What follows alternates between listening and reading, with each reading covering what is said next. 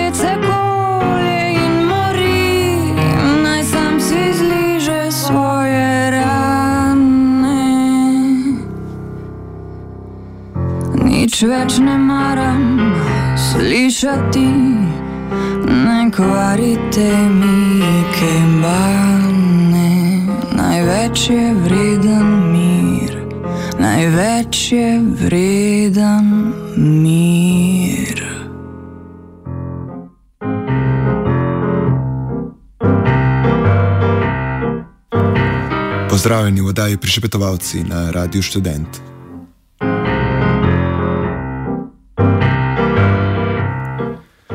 Ko se je pred slabima dvema tednoma na odločitev Avstrije, da omeji število prosilcev za azil, odzval Viktor Orban, smo končno dobili absolutno formulacijo politične pozicije evropske desnice. Spremembo, ki se je zgodila v Avstriji, po analogiji pa tudi vse ostale spremembe politike do beguncev, moramo, kot pravi Orban, razumeti kot kapitulacijo dogmatičnega mišljenja pred realnostjo in zdravim razumom.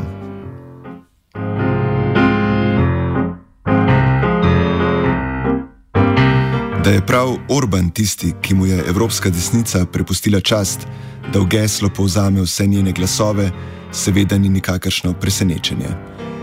Orban danes namreč ni le figura, ki se ji želi sliniti vsak kolikor toliko desni politik, temveč že vsaj od začetka septembra nastopa kot ideal jaza vseh pripadnikov panevropske, tudi slovenske protibegunske množice, ki se zbira po forumih. In jasno, Ko Orban pravi, da je dogmatično mišljenje, sentimentalno levičarstvo, torej, ki je po svoji dogmatičnosti enako islamizmu, kapituliralo pred realnostjo in zdravim razumom, množica ni očarana nad genialnostjo, temveč nad dejstvom, da ni povedal nič novega. Le voditelj, ki zna povedati zares izključno tisto, kar je samoumevno in prav nič drugega, lahko šteje kot največji in najpametnejši.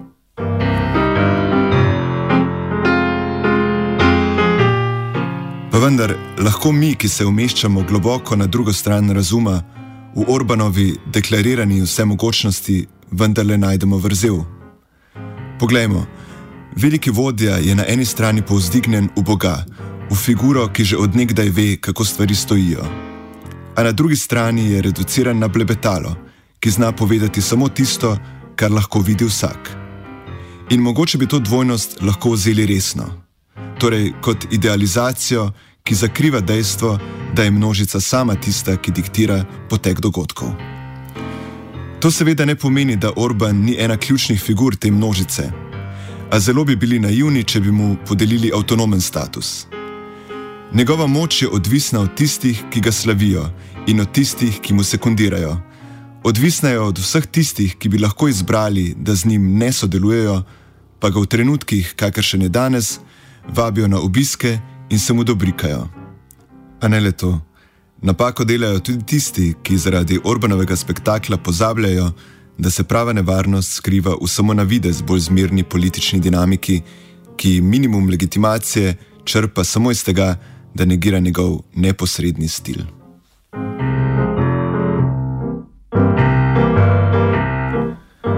V tem je tudi osnovna napaka Slavoja Žižka. Ko namreč postavi schematično nasprotje dveh pozicij do begunskega vprašanja, ki sta obe slabši, pri čemer na eno stran postavlja Orbana, na drugo pa levo-liberalno politiko odprtih meja, je prepričan, da je zauzel tretjo pozicijo. Da se je, rečeno drugače, poleg tistega, kar Orban poimenuje dogmatično mišljenje, zoprstavil tudi samemu Orbanu. A ko Žižek na ta način sledi svoji lastni verziji zdravega razuma, ko sledi svojim zastarelim schemam, zgreši realnost. Natanko tisto realnost, ki jo proizvaja v absolut povzdignjeni zdravi razum, katerega subjekt ni Orban in ni nobena uradna desnica, temveč protibegunska množica. Problem torej ni le v tem, da še naprej trmasto polemizira z levim liberalizmom, ki je izginil že dano pred začetkom begunske krize, temveč da napačno razume tudi drugo, slabšo pozicijo. Orban ni avtonomna figura, temveč navaden brand, pod katerega se upisujejo tudi bolj premetene oblike nove desnice. In jasno, to je na koncu tudi razlog, da je s kvazi provokativnimi rušenji tabujev sam postal njen instrument.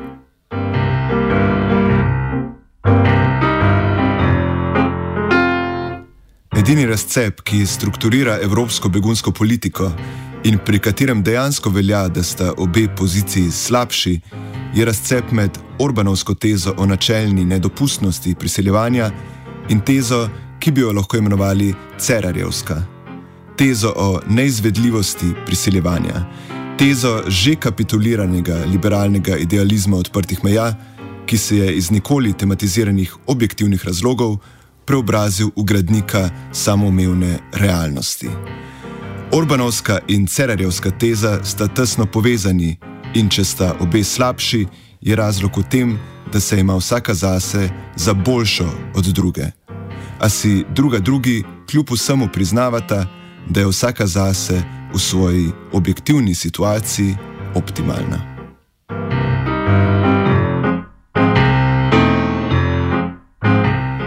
Fašizacija Evrope je proces, ki se lahko razvija le v specifičnem substratu. V situaciji, ko se oblast na vse pretege trudi, da bi se radikalni desničari počutili pametnejše od nje. O vsem tem, o nacionalni gardi, o vaških stražah, o Cerarjevem listku in o mramorju, najprej pa tudi o Orbanu, se danes pogovarjamo s Tanjo Lesničar Pučko.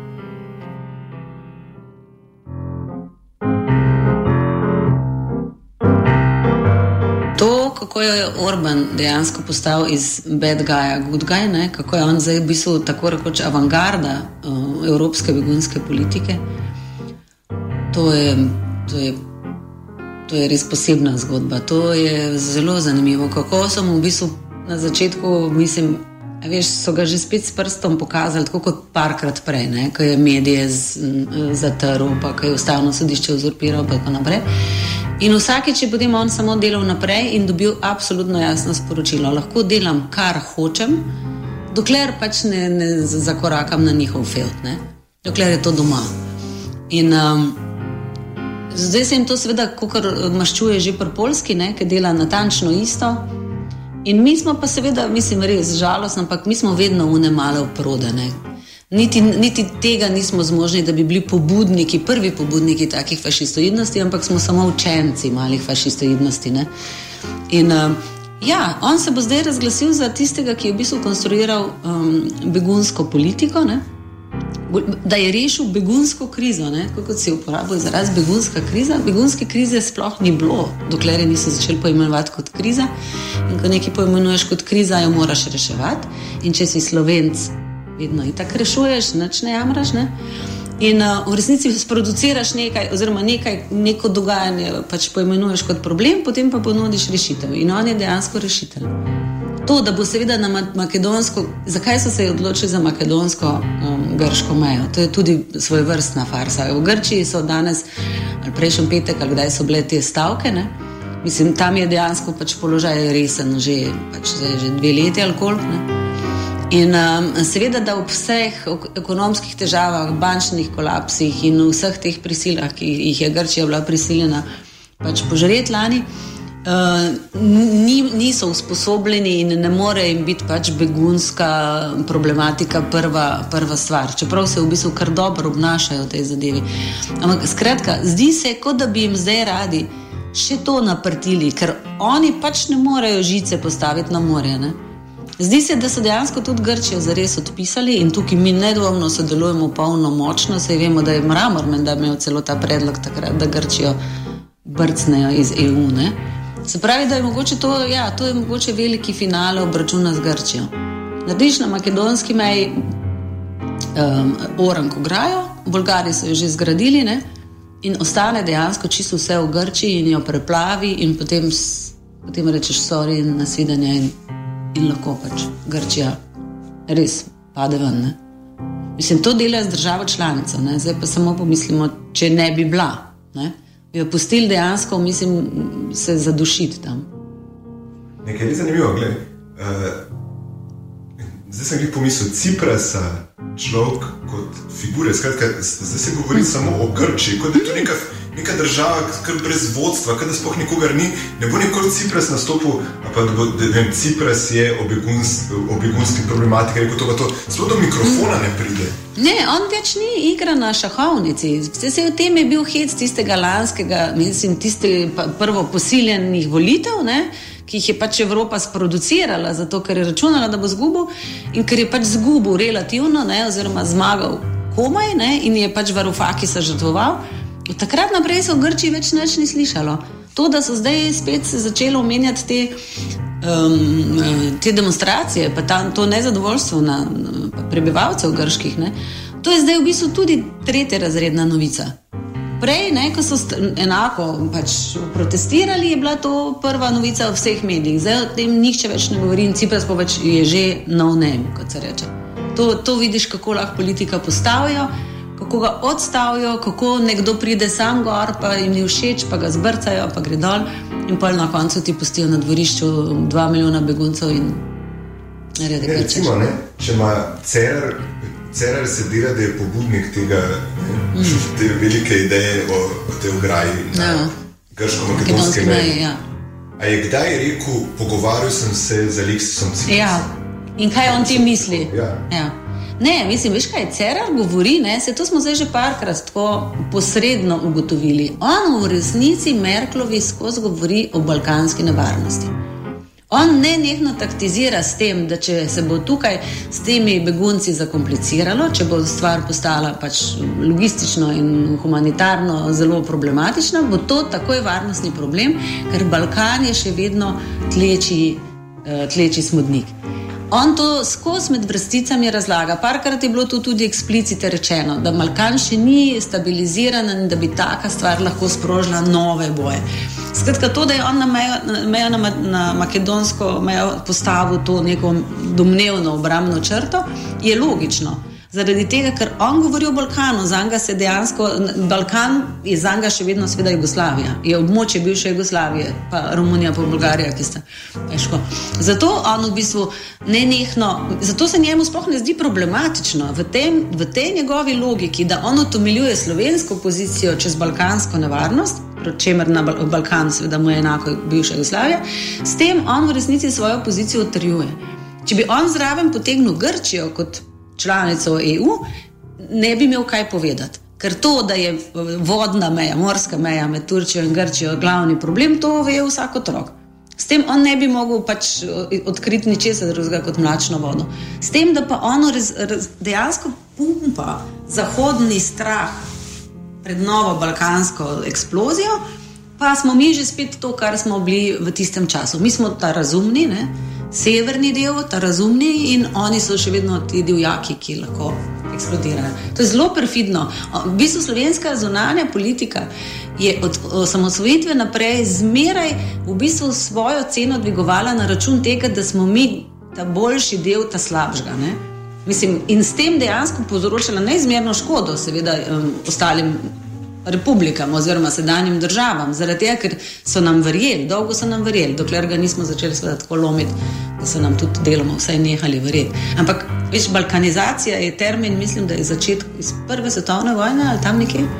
Ne, mislim, da v zvezi z pač, Kavrilom Prinčepom se je ta beseda tako prijela. In balkanizacija pomeni dejansko kaos in nekredibilne politike, nekredibilna ljudstva in tako naprej.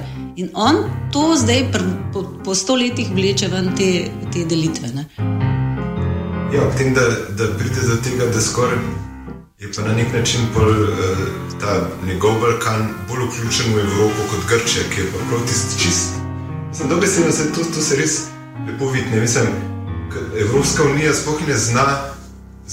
Zdaj se je pokazalo, no, tega, tega, da je vmes neka luknja, ker ni Evropska unija, to je nekaj čist čuden. Mislim, rekel, zdaj, zdaj, ker je to kao zemljsko, vidijo, da Grčija v resnici ni zares povezana z Evropsko unijo, nekako organsko. Ja, ker so vmes te. Veš, prideš, ja. jo, jo popolnoma lahko odmislim. Mislim, da je Grčija, neka Grčija, kot je to nek. Mislim, o Grčiji se govori, kot se je govorilo o Lampeduzi, nisem o enem otoku. otoku ja. Italijanskem. Zdaj se pa v bistvu o Grčiji mm. govori, da je to neka pač tam ja. neko ozemlje, kjer ozemlje. Kamor begunci pridejo, tako približno. Ja, ja kot Malta, ne? A veš, ja. tam nekje sred, ki pač preplavajo in ne moreš nič. In... Ja, mislim, kot rečeno, in tukaj res CRR nadaljuje to, ne, to, to slovencelsko logiko. S, mi se moramo iz tega izmazati, mi se moramo rešiti. Ne, pač to, da pa drug za to plača, je pa pač neka kolateralna škoda.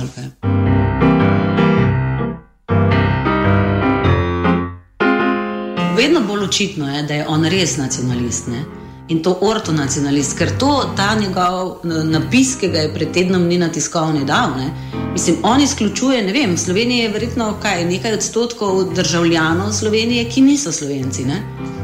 Mislim, se pravi, da v resnici on absolutno sporoča, da v tej državi on skrbi samo za etnično čistost. Mislim, on je absolutno, on, ne vem, če si opazil, on, ni, on ne pozna termina državljan.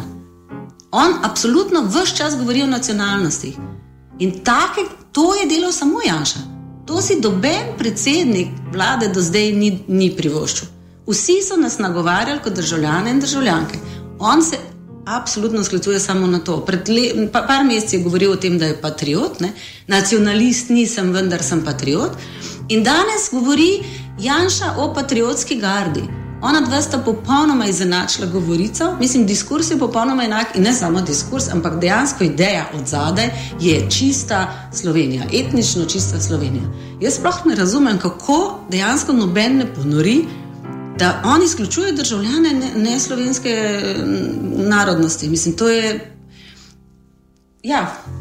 Mislim, ob tem, da pač ko reče, ne, ko reče v tem primeru, ne jamram, iščem rešitve, jasno, da da v bistvu pove, kaj bi slovenci morali biti. Mhm. Zelo, da ne samo, da, da noče imeti eh, tistih, ki niso slovenci, ampak mhm. še, med, še med slovenci hoče imeti izključno samo tiste, ki bojo igrali po njegovih mhm. notah. Se pravi, tisti, ki. Ki, kam, kam je to prinesel? Prinese to na tiskovko, kjer pove, da bo mramor obdržal. Zelo mislim, da besedno tisto pokaže, vi, ki temu nasprotujete, vi, ki jamrate, vi, ki se pritožujete, v resnici tudi slovenci niste, niste, niste, ne pašete sem, niste, niste moj del. Vi ne boste tle, če se ne boš spremenil, ne boš. Ne pašeš sem, ja. tiho, ne, ne rabimo te, ne bomo te poslušali. In zato je seveda zabavno, da je uporabil nemško besedo jamrati, jamran. Mislim, v resnici je to lapsus, ki ti vse pove. Ne? Istočasno, ko govori o slovencih ne? in jih povzdiguje, je slovencel. Nekdo, ki ne zna slovensk, to je prav tipično in to, da mu je ravno Merklovska jamran, ne? danes, ne vem, kdo je že ne, ugotovil, da je v bistvu slogan popolnoma enak eh, nekemu Mer stavku eh, Angele Merkel. Ne. Skratka, to vidiš, da je ponotranjijo v bistvu nemško logiko, ponotranjijo ne, celo nemško govorico, hkrati pa seveda, in to je tipični nacionalizem. Nekdo, ki ne, ne ve absolutno nič o Sloveniji, ki ne pozna ne slovenske kulture, ne jezika, ne nič. Hkrati, mislim, pa maha najbolj zagrizeno in sovražno za to svojo slovensko zastavo. Ne. To, da je pa on da pa on ne jamra, ne, kot je rekel, je pa seveda čista laž. Na isti tiskovni konferenci je jamral, da mi v bistvu eh, pač o mramorju um, grdo govorimo. Ne. Skratka, kot si rekel, jamranje je za njega v bistvu kritika. Kritike noče. Ne. Pravi slovenc ga ne kritizira, ampak kople jarke in je tih. To je v bistvu sporočilo. Ne. Ker na koga se je pravzaprav nanašal? Na vse tiste, ki so pač mramore v početje obsodili, na tisto, ki so v tem videli dejansko ne samo mramorje, ampak dejansko pač sistem, ki deluje sprevrženo in tako naprej. In, ne, in zdaj tam njegov moralni imperativ, ne bodite pikolovski, ne, on je dober človek. Ne. To je seveda. In ni edini, ker so mu sledili, kar nekaj, nekaj mu jih je sledilo. Tudi danes, mekina, prejšnji teden, mekina v mladini. Um, Zakaj ni, ni Mramor edini, ki je to naredil? On je tudi to naredil. To, in to, ta relativizacija se meni zdi najbolj strašna, kadar to počnejo pa še pametni ljudje. Ja, vsi so kradli, ampak tukaj imamo zdaj ta primer in dajmo ta primer razrešiti. Mramor mora absolutno odstopiti, ker je ne samo, da je pač prej imel vrhun, vrhunski položaj, se je bil vendarle na, ne, na, na oblasti, na, na fakulteti, ampak ima zdaj vrhunski položaj. Skratka, nimamo se kaj zafrkavati. Če so vsi ostali delali enako, je treba po istem. Pač po istem šimlu, seveda tudi vse ostale na nek način pač prisiliti k vrnitvi denarja in odstopu z funkcij. Ampak to v ničemer ne zmanjšuje tega, kar je on naredil. In v bistvu je točno to, je CRR, v bistvu nam je to povedal. Ja, ga je lomil, ni bilo v redu, ampak on je vseeno tako dober, da, da moramo mu te grehe oprostiti. Ne?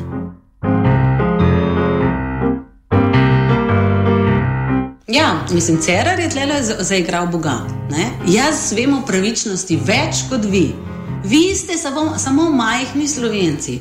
Vi si premis, pač pravičnost predstavljate na tako otroči način. En ukrade uh, klobaso in zaradi tega mora biti kaznovan. Ne, pravičnost je več kot to. Ne? Jaz imam ta uvid v neko višjo pravičnost, ki celo nekoga, ki krade in laže in zavaja, v bistvu v, v tem uvidim nek, njegov, neko nadpoštenost, ki presega njegove to zemne grehe. To je to. On nam je v bistvu za te svojim moralnim imperativom pokazal, da mi v bistvu nismo zmožni razsojati, kaj je, kaj je dobro in kaj je zlo, da tako rečem. Ne? Ja, in, in na drugi strani, ne, se, če, če gledaš na nek način, je mogel sebe tudi braniti. Skratka, čisti v izhodišču. Pač. Vse vemo, mramor in drugi so to počeli zato, ker so se počutili, da za svoje delo dobijo premalo denarja, se enostavno. Pač čutili so se, da oni si zaslužijo več. Več, ja. Čist, čist simpel. In to je pač cerar, to je cerarjeva logika, bila, dokler je postal predsednik vlade, absolutno. Pač mm. vsako, vsako službo dodatno, ki je lahko vzel, jo je vzel. Vsak dan, ki mu je pod roke prišel, ga je potegnil. Skratka, Točno to, in ne iz zasebnega sektorja. Ne? Ne, iz Vse iz javnega dela, bil zaposlen na javnem sektorju in iz javnega sektorja črpal neizmerne honorarje, ki smo mu jih pred volitvami tako čudno odpustili. Tako čudno je tista, tisti podatek o njegovih zaslužkih, ki je bil vseeno ogromen, zamrl.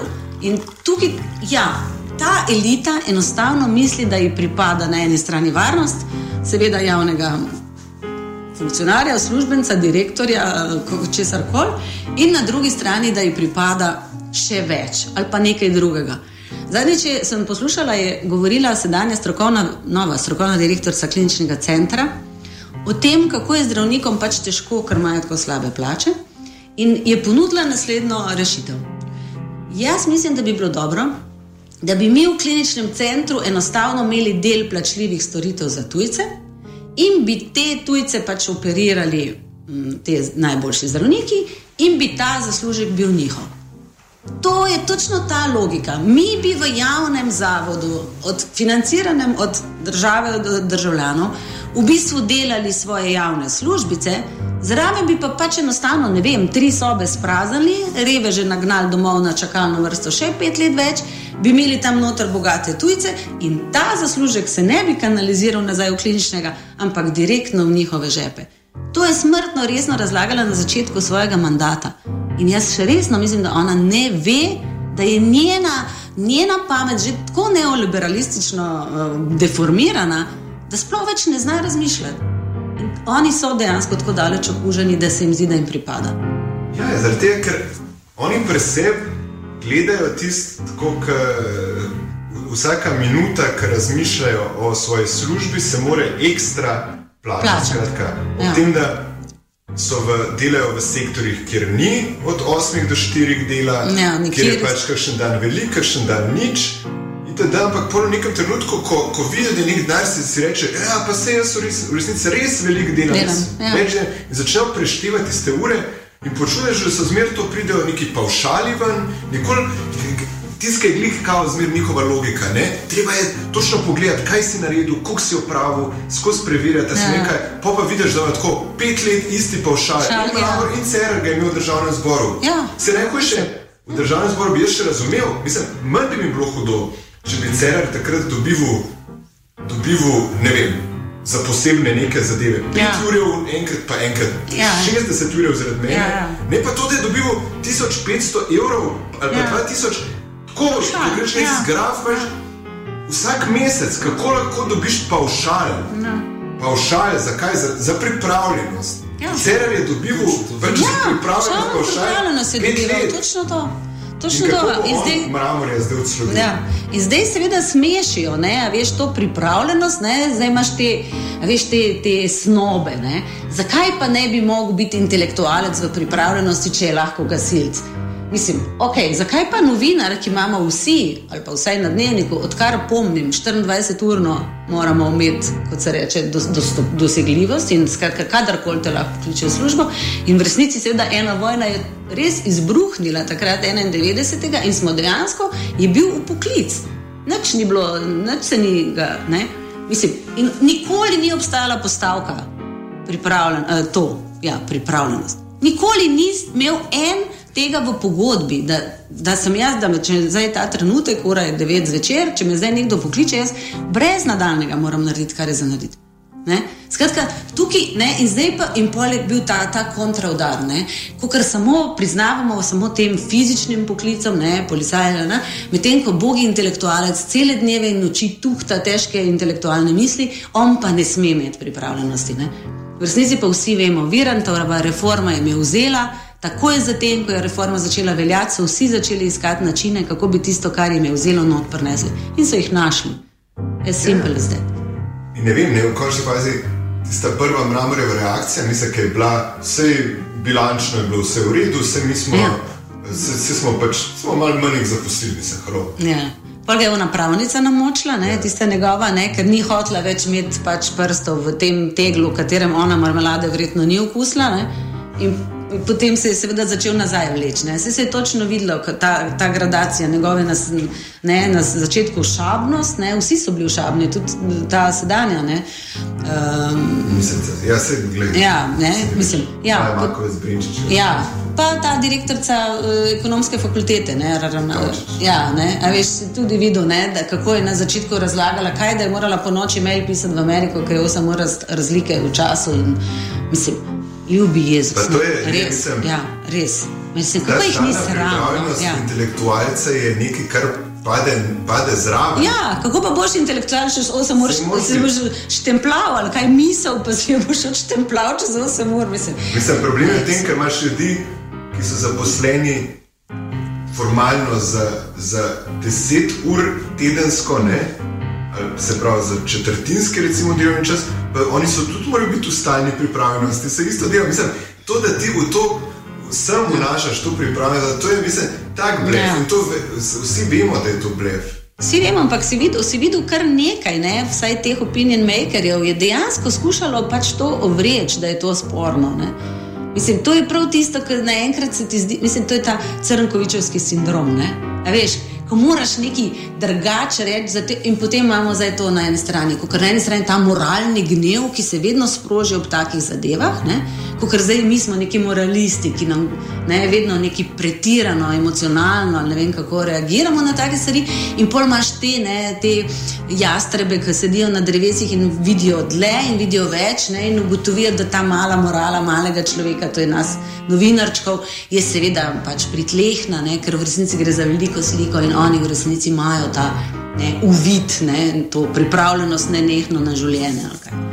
Mislim, res.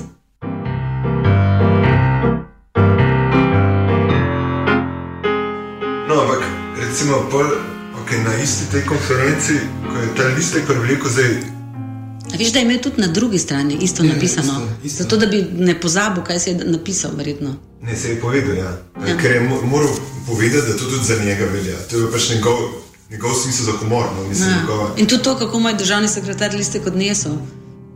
Ker, da- ker je mislil, da mu je to en butelj nastavil. Se mu je. Alter ego mu je nastavil. V bistvu ga je hotel rešiti pred njim samim, ne. ampak se ni dal, ne. mu je spulil listek in ga nazaj postavil. Ne, Ja, mislim, težko ne. tepno, mislim, če ti. Ja. Ker on je, eh, on zdaj že, mislim, dva dni potem se je pojavil na tisti menedžerski konferenci in je ta listek spet sabo prinesel. Ja, pa v bistvu ga je imel prvo, ne, že nekje drugje, Ja, na neki pač kmečki prireditvi. Ja, ja, to mu je zdaj talisman. Mene to na neki hoče spomniti, pa se ne more spomniti na kaj. Nekaj Ja. v zvezi s pahorjem bi to moralo biti. Neki spahre mene je na Linčice spomnilo, ne, on je papirčke rad eh, limal na vrata. Pa. Puško mitraljezko. Ja, ja. Ne, ampak ta, ta gesta, da ti v bistvu narediš nekaj res eklatantno putezga, kar bi, kar bi se vsi morali tisti smejati. Kar se je, ne? Smeje in Ja. ja. ti to še enkrat in še enkrat in še enkrat in to nosiš s sabo. Ja. Kot tisto, ne vem, pa za, ali za pr, Nalašč, zdaj pa nalašč, zdaj bom pa nalašč, ja, ja. Bom jaz dokazal, ker ne bom popustil, da sem naredil filer, ker ga nisem v resnici. Ja. Ampak vam bom pokazal, ne, uh, ribico imam ja in, in še pokažem jo. In, in poglejte, takle akvarij sem kupil, ne vem kaj. I, ista, ista logika. Ja, ja, ne, to, tukaj točno vidiš, da je, mislim, tukaj res vidiš njegovo šibkost. No? Da on, ne, namesto da bi se v trenutku potegnil nazaj, veš na kaj mene to spominja? Na tisti spot za tisto Urško, ga je takrat um, Pahor kot predsednik vlade, ki so lansirali, se spomniš, nek stupiden spot. Uh, Urška čez en jaz. Ja, Za, za, za, za referendum za Družinsko. ja, ja. Ne, ne, ne, za za pokojnin- za pokojninsko. Ja, no, tisto, takoj ko je spod ven prišel, je bilo jasno, mislim, popolnoma jasno, je bilo, da, je, da je zgražanje univerzalno. Mislim, ali pa zafrkavanje, ali pa smeh, ali pa posmeh oblasti, ki misli, da bo s tako stupidnostjo karkoli lahko političnega dosegla, kakršen koli cilj si je že zastavljal. Ampak oni so ustrajali. Oni so ustrajali, oni so cel spin naredili, oni so celo vrsto celo eh, piscev dobili, ki so začeli razlagati, v čem je to, kar je nagražno, glupo, neinteligentno, seksistično, bedasto, you name it. Zakaj je v tem, v čem je ta obrat, ki ga spet mi nismo razumeli? Točno to, mislim, nekaj, nekaj tako prozorno kretenskega so nam skušali še cele tedne in tedne dopovedovati, da nismo dobro razumeli, da sicer je kretenizem, ampak v tem kretenizmu se spet skriva neka, neka modrost, ki je nam spet ne- ne- nedoumljiva. In točno on to počne, namesto da bi kot inteligenten človek ugotovil, da je zamočil, spravil listek stran in samo upal, da, da bo pozabljeno. Ne, se inati kot res kot eno neinteligentno triletno seralo no? in, in te cepeta. In, cepeta. in v tem je seveda se on pokazal kot absolutno nesposoben. Ne? Ne, popolnoma nesposoben in tukaj on je izvrsten primer visoko izobraženega človeka, ki nima absolutno nobenega upogleda v široko sliko. Ne razume sveta, res ga ne razume. In ko si prej omenjal ta pogovor z Oreškovičem, domnevnim, ne, s tem komikom, mislim, on, on mu je dejansko takoj zlezel v rit. V trenutku, mislim, že to, predstavljaj si, da je to nek resen politik na drugi strani. Mislim, s tem, da je on takoj za nati, takoj sva mi dva kao prijatelja. Mislim, predtem počne čisto vse, da bi zunanje politične odnose s Hrvaško zaostril do, do vojnega stanja, do tega, da bi se dejansko čez muho gledali čez uh, kolpo.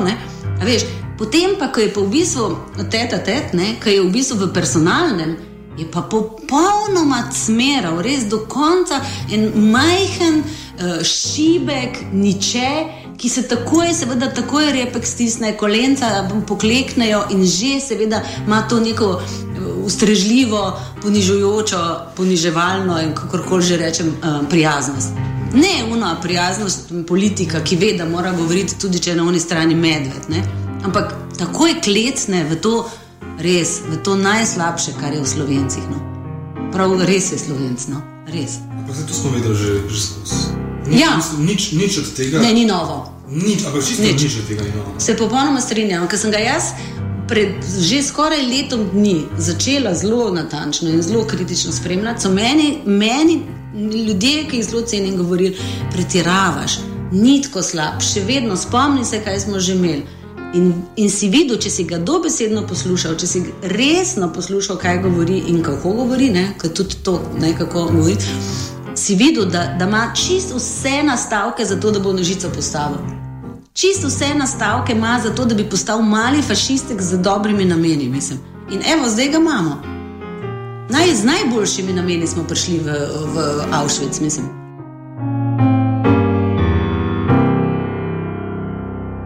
Zakaj je v resnici on nevaren?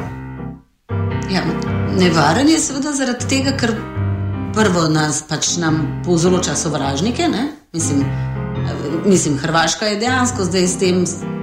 Logično, predstavljamo si, da bi nam Avstrijci tako bodečo žico naredili. Kaj bi to pomenilo za meddržavne, da rečem? Ne? Mislim, nevaren je, mislim, žica je nevarna že dejansko ne samo za srne, žica je nevarna zaradi stanja duha. To, kako smo se mi, slovenci, ki ne jamramo, s to žico sprijaznili, ti kaže še na eno drugo nevarnost. Mislim, da je jutri nam jo lahko okrog in okrog na, na, napele in ne bo se zgodilo nič. Ker te protesti, ki so se zgodili proti tej žici, ti minimalni protest, ki nekaj čudakov tam spodaj, so se zgodili vsaj z enomesečno zamudo, ko je to že vse stalo. Ko se je žica začela postavljati, tam ni bilo nikjer nikogar. In tukaj se jaz res vedno moram vrniti. Če bi to delal Janša, pa to bi bila že državljanska vojna. Mislim, ne bi prvi kolut tja privlekli, ker nas bi bilo tam že ne vem koliko.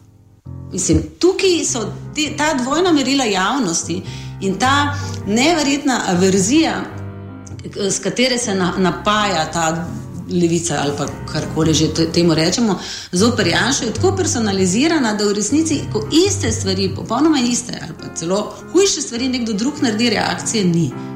Mislim, zdaj bi bil čas, da bi imel Cerar dejansko na tistem trgu republike, ki so ga zdaj tako lepo naredili za, za demonstracije, spraznili, spucali in vse. On bi jih moral imeti tam toliko, kot jih je imel Janša, ali pa dvakrat toliko, ker je na vse zadnje to večja pretnja. Ne? In se ne zgodi nič, in v tem ima sreča, v tem je ta njegovi, njegov um, um, kosobrinski um, nastop, ne, te, te, to, to, ko ga vidiš, kako je šibe, kako ni nič. Ne? Mislim, ga rešuje Ker v bistvu očitno slovenci reagiramo samo na tako očetovsko agresivno friz frizuro, figuro, kot je Janša. In to, zakaj se to ne zgodi in zakaj je dejansko, veš, na primorskem so šele začeli demonstrirati, ko je žica do njih prišla. To je to, kadar ti ljudem, ljudi prepričaš, da so ogroženi. To je to. Oni so to kot varnostno vprašanje zastavili in kot varnostno vprašanje so ga ljudje tudi kupili. Oni res mislijo, da nas to varuje. Noben se ne vpraša, pred čem. Ker tam, kjer je zdaj ta žica, nikoli oni niso čez hodili. Kol pa je prevelika pre reka, da bi tam čez sploh rinili. Rinili so tam, kjer je pač ož, ožje. Noben se ne vpraša o nekih realnih možnostih, da bi tam kdo čez prišel, razen če bi imeli čovne. Še posebej, seveda, recimo na primorskem, je sploh to je bila neka, neka hipoteza, enkrat vmes, da se bo pač tok preusmeril proti primorski, zaradi tega, da bi probali v Italijo priti. No, Italijani so itak takoj reagirali, da nočejo, ne, da, tam, ta, da se ta tok vzpostavi. Skratka, iz samih hipotez se ta žica daljša in se ta ograja večja, iz, nobena izmed hipotez se pa ni pokazala kot pravilna. Nobena. Ker kot rečeno, na dobo je vegetajo vlak in to je pač transport. Zdaj je to transport in nič drugega ni kot to. In tak, tako bi tudi ostalo, zaradi tega, ker bi se prej ali slej spodaj nekje transport zataknil, za če bi bilo res toliko več, kot so načrtovali. Ampak ne, kot človeku rečeš, da je ogrožen, mu lahko potem res. Še, še sam uh, štrik okrog vratu nam naj dajo, pa nam rečejo, da nas bo to rešilo, če bi slučajno veter pihal. Pa bomo se kar pustili, videl. Mislim, nažalost, tega smo že preveč videli, da, da bi še človek računal, da se bodo ljudje uprli.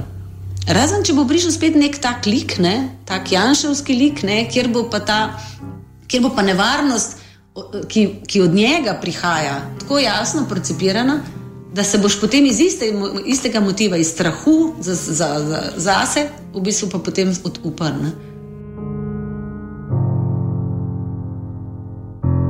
Ja, ja, in zdaj se gre tu ta um, narcisizem majhne razlike. Veš, kad Cerar kriči, jaz sem patriot, ne, seveda, predvsem to sporoča Janši. Ne. Jaz sem pravi patriot, ne ti. Ne, in zakaj sem jaz pravi patriot? Ker sem malo boljši patriot kot si ti patriot. Ampak operirate pa dejansko totalno z istimi. In, in slovenc, no, to, je, to, je, to so tukaj se. Ne, mislim. In jaz ti povem, Cerar bi to gardo dopustil. Cerar, če te garde ne bomo dobili, je ne bomo dobili samo zato, ker bo pač veš, nekaj drugih pametnih ljudi ugotovilo, da pač ni dobro, um, kot se reče, multiplicirati različnih um, vrst represivnih organov, ker ti to lahko seveda pobegne iz rok. Mogoče bojo dejansko v zvezi z ustavo, pač veš, se sklicevali na ustavo in bo to. Ampak CERA s tem ne bi imel nobenega problema, ker bi pač verjel, da jih bo imel on pod komando. V tem je on popolnoma slaboviden. Ne? Niti za pet minut naprej ne ve, da se mu lahko njegova lastna garda. Ne? Ja, točno to, da, da, da je lahko seveda on prvi, ki ga bo garda odnesla. Ne?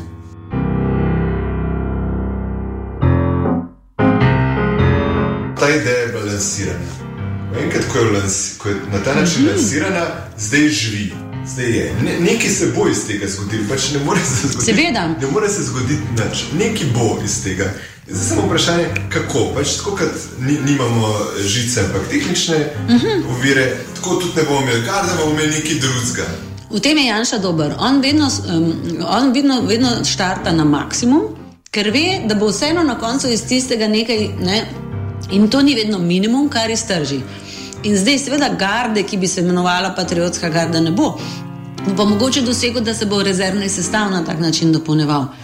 Kar bi pa bilo, v bistvu, kot se reče, še bolj prefrigano, ker bi v bistvu te svoje domoljube ne, spravil noter v nekaj, kar je načeloma neutralno. In v tem je seveda on res dober in spreten. In iz teh fotografij, ki so zdaj bile že objavljene, da oni po telovadencah že, že so v vrstah. Ne vem, ne? Se pravi, oni, so, oni dejansko že trenirajo ljudi. Se oni so zgledali kot eni gumbci, mislim, sej, niso bili podobni niti, niti čredi ovc, kaj šele vojski. Ampak oni hodijo v telovadence, odrasli moški hodijo v telovadence. Se oblečejo, kot zapusta v neke, neke uniforme in se grejo ravbarje in žandarje. Se pravi, on resnici že nekaj trenira, kar je v popolnem nasprotju z ustavo. Ta trenutek je to že vse v nasprotju z ustavo, če ti nekaj, kar treniraš v telovadnici, pa niso bicepsi, eh, poimenuješ kot neko obrambno sredstvo, kakršno koli. In nikome ništa, nič se ne zgodi. Noben, mislim, oni bi v bistvu morali priti v telovadnico in reči, kje imate žogo. Ker brez žoge vi v telovadnici nimate kaj početi. Žogajte se ali pa nasvidenje. Ne morete se formirati v nekaj, kar bi naj služilo nečemu, za kar ima država svoj aparat. Ne? In to je represivni aparat, da se ne, mislim. Predstavljam si, da bi se šli zdravnike. Ne mislim, da bi tam seksali, ampak veš, da bi se, da bi se neki amaterji ne, odločili, da bodo telovadenci mal trenirali za zdravnika. Ja, pa to je popolnoma identično. Treba je samo ta primer prenesti v nekaj drugega, da vidiš, kako absurdno je to, kar se dogaja in kako se to tolerira, ker se Janši mora tolerirati. Ker njega se vedno zato tolerira, da ne bi še bolj radikalen rado. In bolj se ga tolerira, bolj je radikalen.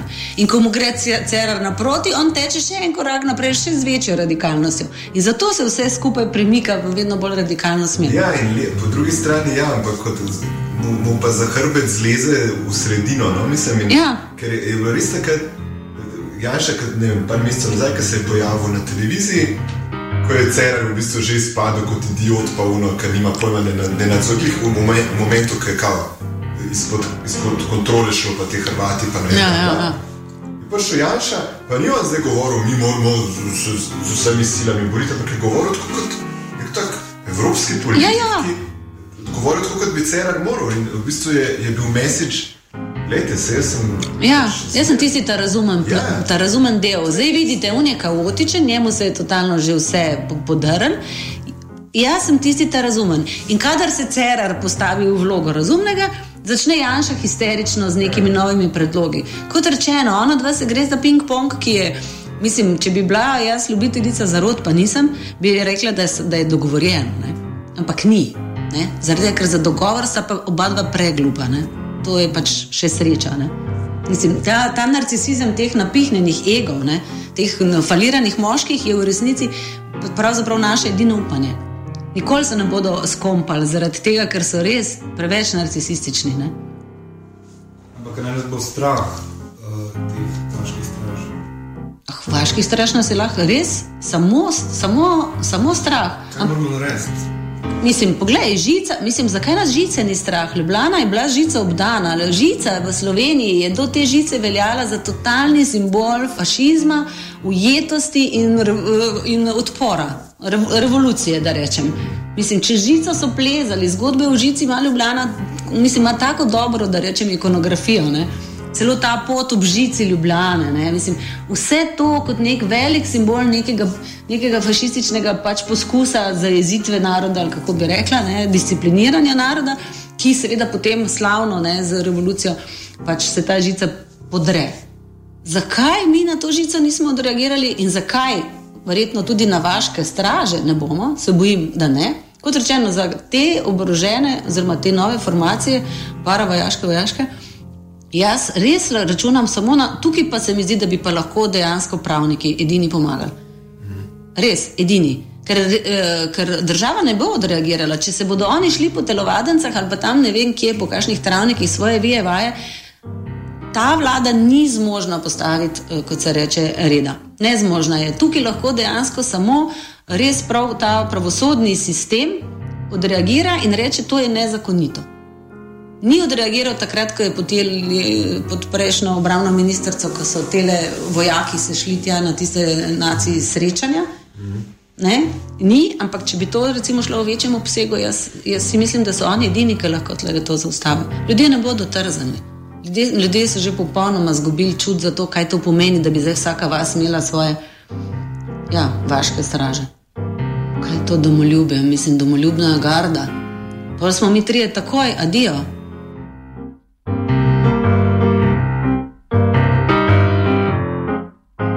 Kje so bile točke, kjer bi lahko drugače reagirali, pa bi to se poznali. Skratka, zdaj govorijo, da se, so se stvari pač zavrtele, kot so se zavrtele, da so un, da je imel Orban prav, ker je to napovedal in Orban je imel najbolj prav, unik, ki je malo kasneje ugotovil, ima nekaj manj prav, Žižek ima tudi prav, kar je napovedal. Nekaj, kaj, kaj je napovedal? Mislim, napovedali so, da bo prišel do konflikta med, uh, da bo to, ne vem, prišel do odpora v, nekih, v neki politiki, javnosti, bla, bla, bla jaka napoved. Ja, res je. Ne, to je pač ni nič. Ne bo šlo, šlo do odpora do, do, do, ne, na polskem, na slovaškem, v Sloveniji. Ki ni, enega niso videli. Ja, ja, ja. Se pravi, mislim. No, gled, če bi jaz bila predsednica vlade, to mi sprašuješ, kaj bi jaz naredila v septembru? Mislim, jaz sem že takrat povedala, nikakor ne bi smel ljudi zadrževati na meji, na točki, kjer so ti begunci noter prihajali, ampak bi jih moral takoj razparcelirati po državi ne smeš pustiti, da, res tisti, ki jih neposredno ne, pač dobijo, kot se reče, čez mejo, da so oni dejansko na nek način pač tisti, ki pol tudi za nje skrbijo. Točno tako ti si bil, dokler niso tega vlakovnih kompozicij in tega koridora naredili, so jih pustili tam ob meji, v tem ne, brezce, ta, ta območje je naenkrat dobilo, je dejansko bilo preplavljeno. In tukaj je treba biti pošten, seveda bi to tudi nas zbegalo. In jaz sem že takrat govorila, pošljite te ljudi v Ljubljano. Ljubljana je edino mesto, ki ima vsaj kanček multikulturnega duha. In tlele bi se lažje, lažje bi se jih tudi namestilo, že zaradi tega, ker je pač tlele prostora veliko več. In lažje bi se ne integrirali, ker je bilo tako ali tako rečeno, da grejo naprej. Ne? Ampak lažje bi jih enostavno, Ljubljana bi jih prenesla. Tukaj enostavno ne bi bilo tega, da so oni kot alieni tam zgledali. Tam znotraj tiste, tistih malih krajev so te njihove rute delovale res kot rdeča cunja za nacionaliste, ki so točno to pol naredili. Na te rute so se obesili, na to muslimanstvo. Veš, odzameš jim njihovo človeškost, pa jim nalepiš pač vero na čelo, in od tu naprej je bilo zelo enostavno. Jaz mislim, da je bila to osnovna cerareva napaka, da je hotel ohraniti, kot se reče, ostali del Slovenije čist tam bomo pa jih toliko časa jih bomo trpali, da ne vem, da se bodo dušili ali da bodo oni čez mejo nehali česar. In absolutno ni, ni vedel, kaj narediti, in zaradi tega, in tako so se prvi konflikti v bistvu zgodili. Do tistega grozovitega požara, ki ni bilo čisto jasno, ali je bil res potaknjen, ali se je po nesreči jim ne. In drugače pa seveda statistika policijska je neizmerno čista, oni niso naredili nič.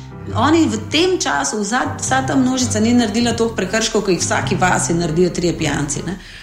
Da, jaz, si, jaz si predstavljam, da bi morali točno to narediti. Jih dati v velika urbana središča, ki bi jih enostavno lažje, lažje bi jih absorbirala. Tisti, ki bi hoteli ostati, bi bili že, kot se reče, že nekje. Tisti, ki bi šli naprej, bi jih pa dejansko takrat še ni bil problem, da so jih hoteli imeti samo na šentilju. Takrat bi jih lahko tudi čez karavanke, pa čez druge mejne prehode, če izpeljali. Šele potem, ko je ta trpanje. Če bi bilo to po celi Sloveniji, bi ta, ta, te nacionalistične izbruhi. Ne, bi bili bolj sporadični, ne bi bili tako koncentrirani. Ljudje so se začeli solidarizirati s tistimi brežicami. Naenkrat si videl dejansko, da oni cel dan gledajo to, to veš, te kolone ljudi. Mislim, mislim.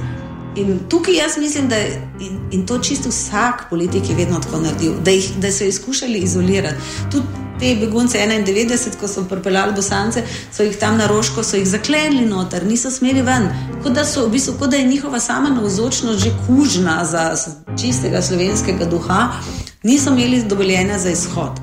In to je seveda brutalno in je fašistoidno in nima podlage v ničemer, ne v Združenih narodih, ne v nikakršni mednarodni zakonodaji o beguncih. In jaz mislim, da bi Ljubljana to dejansko laže, laže, laže bi predelala, no? kot se reče. Se pravi, v nekem smislu. Tudi v smislu te pomoči, humanitarnega. Mislim, te ljudje, ki so hodili dol na pomagati, so se vozili čez, iz Ljubljana, velikih je bilo ravno iz Ljubljana, pa iz velik. Ja, so se vozili tja, so pregoreli od tega, ko so se vozili, pa pol po noči domov. Jaz te ljudi, ki so tam pomagali, absolutno cenim, če tudi so bili med njimi, seveda, taki fašistoidni izpadi, kot da če se v njih avto dovolj umiti, pa pol ni dobil večerje, pa ne vem kaj. Ne. Ampak mislim, oni so res pregoreli. In ravno zato bi seveda v urbanem okolju to lažje handlali tukaj ljudje. Ne? Bi šel pol domov, pa bi bil že doma, ne pa ta transport, ne nekaj in tako naprej. In kot rečeno, če bi jih imel tukaj, bi, bi, bi, bi bil nadzor večji. Tukaj pač ne bi novinari pohlevno ubogali in jih ne bi hodili obiskovati. Kot smo tja enostavno, ko so je Cera rekel, da novinari več nimajo pristopa, smo v bistvu novinari pošiljali undercover. Pa kje ste to videli? Niso smeli se več pojaviti kot novinari in so pol tam v bistvu kot te uh, humanitarci. Se, to se meni zdi ena izmed totalno, seveda, ampak problem bi bil v tem, če bi jih on pripeljal sem, bi mi videli, da so samo ljudje tukaj bi dejansko bili preveč blizu, tukaj bi se pokazale tudi te individualne zgodbe. Tlele ne bi bili več samo anonimne množice, ampak bi bili neke individualne zgodbe, neki otroci, ki tam lezejo. Neki. In s tem bi se seveda senzibiliziralo ljudi, s tem bi pa njega silili v iskanje drugačnih rešitev, kot jih je pa lahko zdaj ponudil. Rešitev žice, potem ko bi bili oni tukaj, seveda ne bi mogli več uporabiti. Ne? In to, v tem so ti, kako se reče, humanitarni koridori bistvu res fašistoidna pogruntavščina. Ne? Zdaj ne že tako tako. Ja, zdaj je zdaj prepozen, seveda. Zdaj enega več ne bo. Zdaj tukaj, mislim, ja, danes so zaprli mejo, ne? Seveda, in, in mislim, še posem, še po, po vseh teh Parizih in, in Kelnih in tako naprej.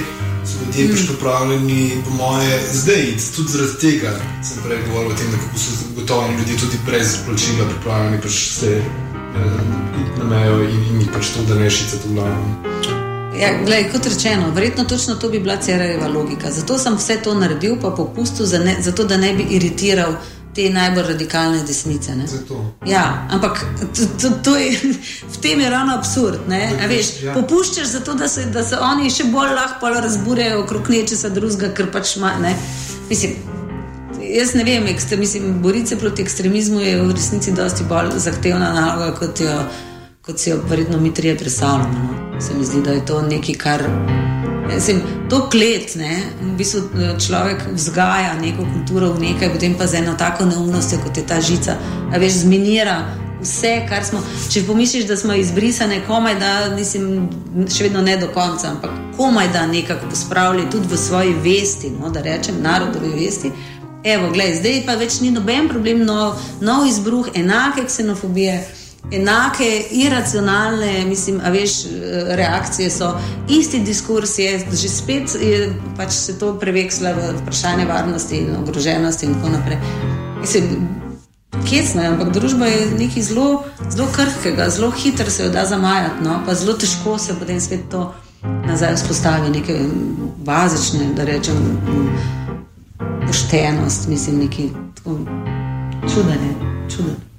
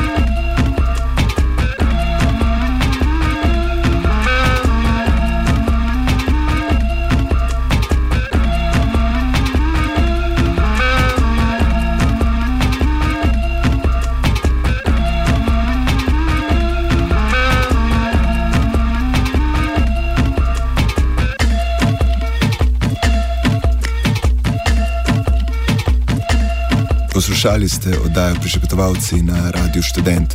Pripravila so jo Aleš in Tadej, tehniciral je Linč. Prišepetovalci.